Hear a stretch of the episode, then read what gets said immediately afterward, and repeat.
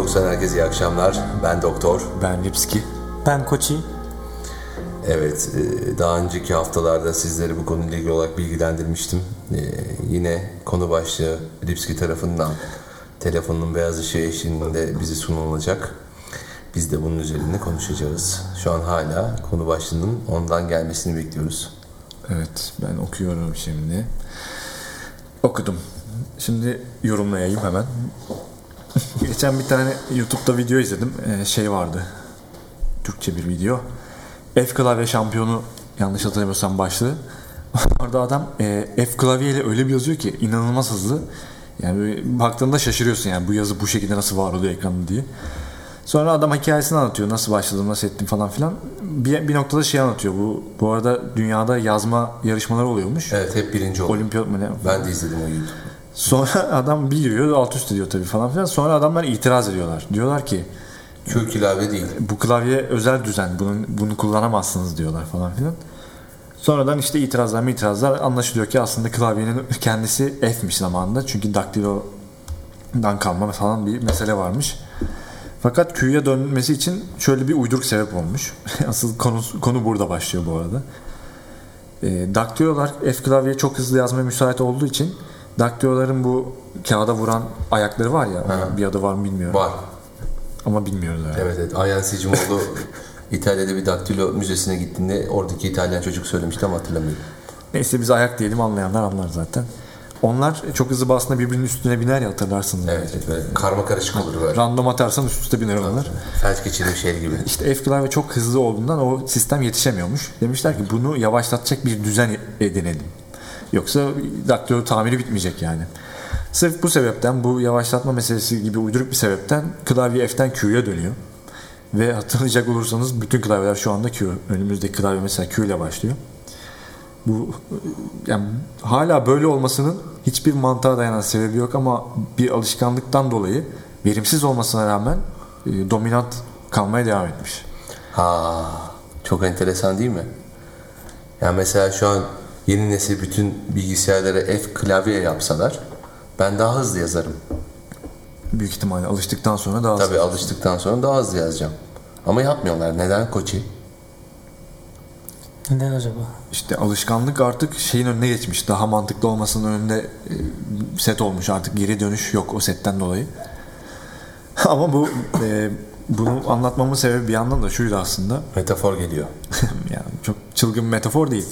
Ama bazı şeyler Tabularımızdan bahsedeceğiz. bazı şeyler verimli olduğundan değil, alışkanlık olduğundan hayatta devam etmeye e, bir Evet, şekilde evet. var olmaya devam ediyorlar. E, bu işin hani trajik kısmı asıl benim üzüldüğüm nokta da şu.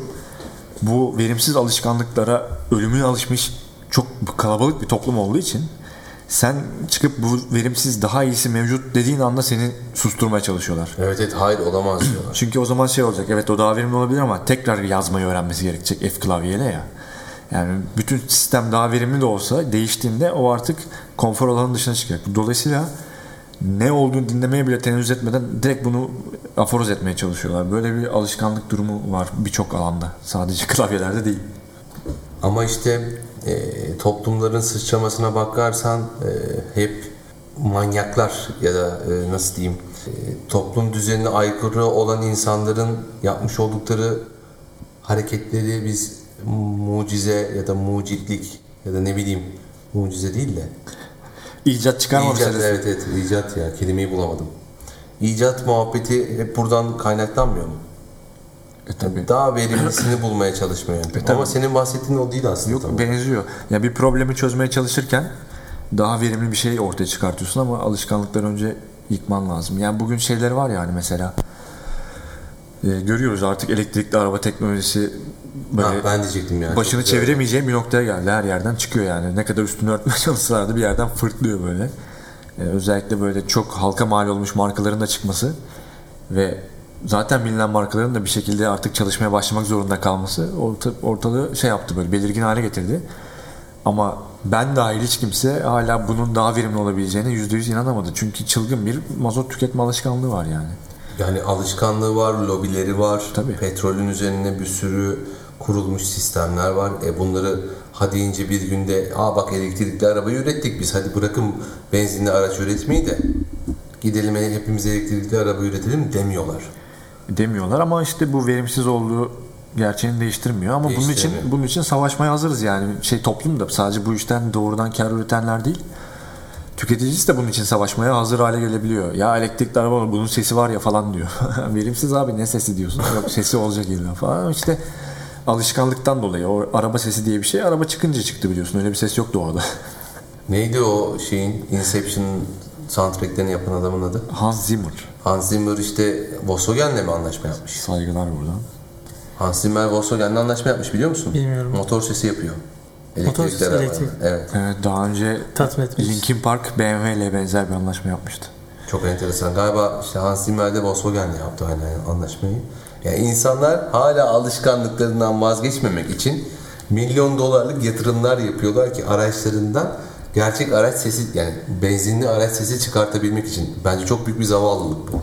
Bir de o kadar alışılmış ki dediğiniz gibi. Dün bir elektrikli Adam arabaya kabul bindim. etmiyor, kaza yapıyor. Adam şey dedi. Bak ses yok diyor arabada. Yani normali ses olan versiyon aslında. Evet evet. Onu bir As- ayrıcalık ya da bir şey olarak sunmuyorlar yani. Kötü bir durum olarak gösteriyorlar, lanse ediyorlar. Enteresan olan kısım o. Adapte olma süreci biraz zor herhalde bu koşullarda. Abi işte şey, araçta e, ses olmadığı için Amerika'da elektrikli araçlarla inanılmaz kazalar yaptı insanlar. Kulak, kulak kulakları hazır değil. Her şey geçtim. Adam kulakla motor sesini duymak istiyor. Zevk alamıyor ya da hızlanırken. Aslında acceleration'ı normal işte yan, içten yanmalı motor mu deniyor ona? Evet ivmelenmesi diyelim. Ha, ivmelenmesi e, diğerlerine göre şey çok daha verimli. Aslında normal bu şartlarda çünkü insanlar bir arabanın gelip gelmediğini genelde sesle algılıyor. Gözleri ikinci planda kalıyor. Kurallara uyul- uyulursa sorun olmaz ya. ya. Arabayı niye görmen gereksin? Kaldırımdasındır. Karşıdan karşıya geçiyorsan yaya geçidi ya da ışık kullanıyorsun. Görmene gerek yok aslında. Motorcularda böyle değil mi? Ya Motorun zaten- ses çıkarsın ki benim de anlasınlar. artık o araçlar şey değil ki bir sürü teknolojiyle donatılmış. Mesela Tesla'larda her yerde sinyaller var. Şu Sağdan araba ya- yanaşıyor, soldan araba yanaşıyor. Biri daha hızlı gidiyor filan. Fren mesafesi sistemleri koydular adamlar. Bizim lavaboda da var ışık yanıyor. Kendi. Evet evet sensörlü. Bu arada bu- buna da aslında Uzun tuvalette kaldığım zaman sönüyor. Böyle hareket etmek zorunda kalıyorum. siz al- alışılmışlık diyorsunuz ya alışıldığı için böyle gidiyor. Aslında daha yavaş yazdığınız bir klavyede alışıldığı için bunu kullanıyoruz. Elektrikli araçlar da örneğin onu örnek verdiniz. O da atıyorum 100 yıl sonra biz nasıl benzinli araba, nasıl ses çıkartan araba kullanıyormuşuz da Tabii ki. gelinecek. Bir noktada öyle olacak. Tabii tabii bir kırılımlar işte ama hemen ertesi gün olmuyor. Evet, Uzun soluklu mutlaka. yani yüzyıllar sürüyor. İnsanların bir şeyleri, bir alışkanlıklarını değiştirmesi yüzyıllar sürüyor yani. Evet, işte bu örneklerden dolayı ben mesela kendi alışkanlıklarımı daha radikal sorguluyorum artık. Yani acaba bir alışkanlık mı gerçekten verimli mi yoksa alışkanlık mı diye kendime soruyorum ve e, değilse Güzel.